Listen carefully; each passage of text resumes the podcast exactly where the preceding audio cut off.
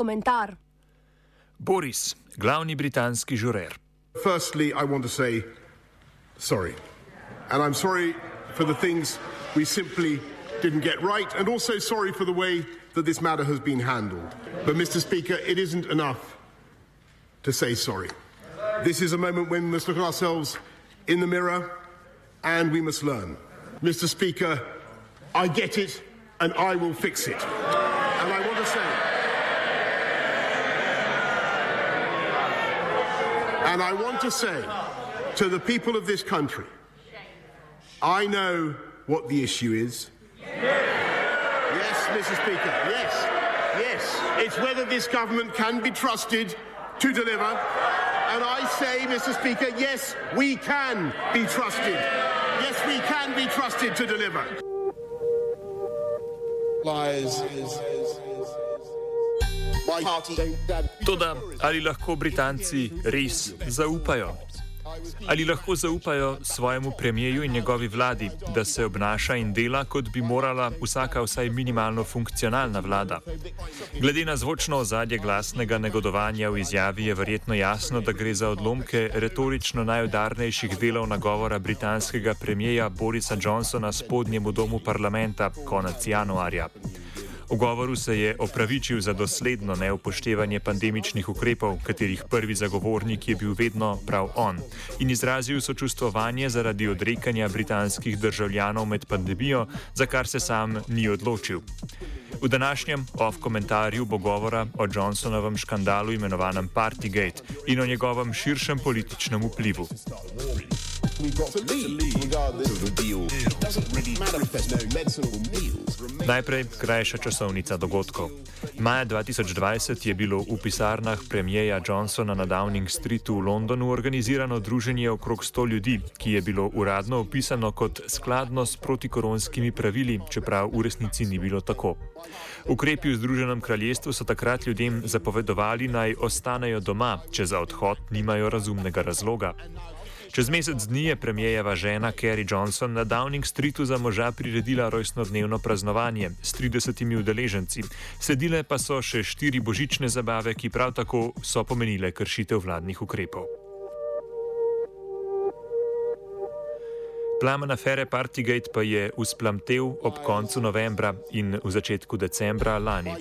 Najprej so v javnost pricurljale govorice o božični zabavi v premijevi pisarni, ki ni bila v skladu z ukrepi. Januarja se je začela policijska preiskava in nedavno je bilo delno objavljeno poročilo o zabavah, ki ga je pripravila državna uslužbenka Sue Gray. Ta ugotavlja nesprejemljivo in neopravičljivo obnašanje vladnih funkcionarjev ter prekomerno uživanje alkohola. Pick a minute, call Campbell's in Papua New Guinea. Ob pogledu na konzervativne torice, ki so jim Johnsonovi številni škandali in izpadi vzeli notranjo enotnost, se po britanski tradiciji obrnemo na opozicijsko laboristično stranko. Toda tokrat laboristi niso videti kot pravo nasprotje konzervativni stranki, vsaj ne tako, kot bi pričakovali mnogi Britanci, saj trenutno vodijo precej stabilno sredinsko politiko. Medtem ko je ta vredna svojega spoštovanja, naveličanim Britancem ne ponuja pravega nasprotja konzervativcem kljub rezultatom javnomnenjskih raziskav, po katerih se zmanjšuje razlika v podpori laboristom in toricam.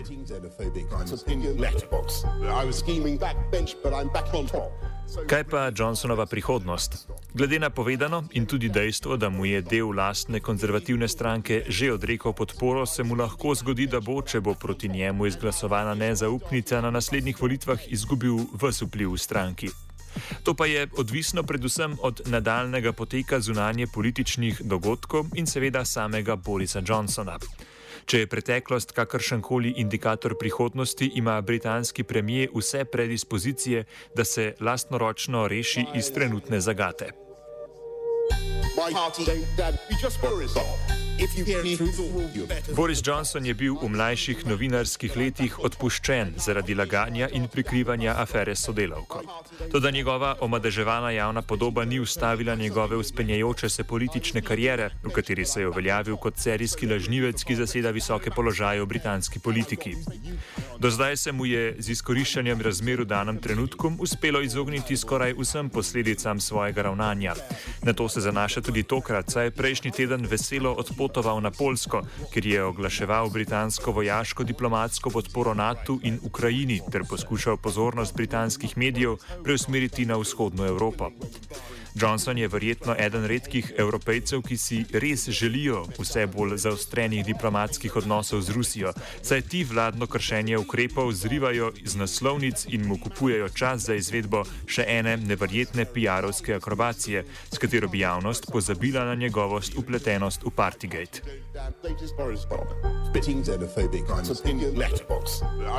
Odgovor na vprašanje, ali zvoni enemu zadnjih politično še uspešnih generalov Brexita, je torej večplasten in vse prej kot preprost.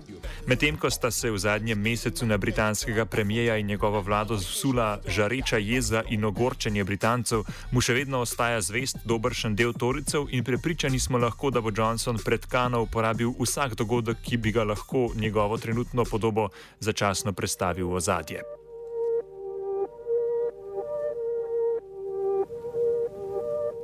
Lies. Partygate se tako ni omejil le na Združeno kraljestvo. Njegov vpliv lahko namreč doseže tudi, sicer na prvi pogled pomensko oddaljeno, ukrajinsko krizno žarišče. Preomenjena Johnsonova taktika izkoriščanja negotove usode Ukrajincev za izboljšanje lastne javne podobe pomeni, da si voditelj ene ključnih NATO-vih zaveznic pravzaprav ne želi mirne rešitve tamkajšnjega spora. Kljub temu, da Johnson in britanska vlada javno zagovarjata ruski umik, bi lahko britanska diplomacija zaradi želje po pozabi domačega javnega škandala delovala proti končanju napetosti na vzhodnji ukrajinski meji oziroma vsaj zavlačevala z njimi. S tem pa ne bi okrožala le enotnosti, enotnosti Zahoda v odzivu na ruske provokacije, temveč tudi milijone Ukrajincev in Rusov, ki bi bili prizadeti ob neposrednem spopadu. Morda je Velika Britanija vsaj v tem, da lahko notranje politične afere povzročijo vojne na oddaljenih koncih sveta, še lahko imperij. Off komentar je pripravil Vito.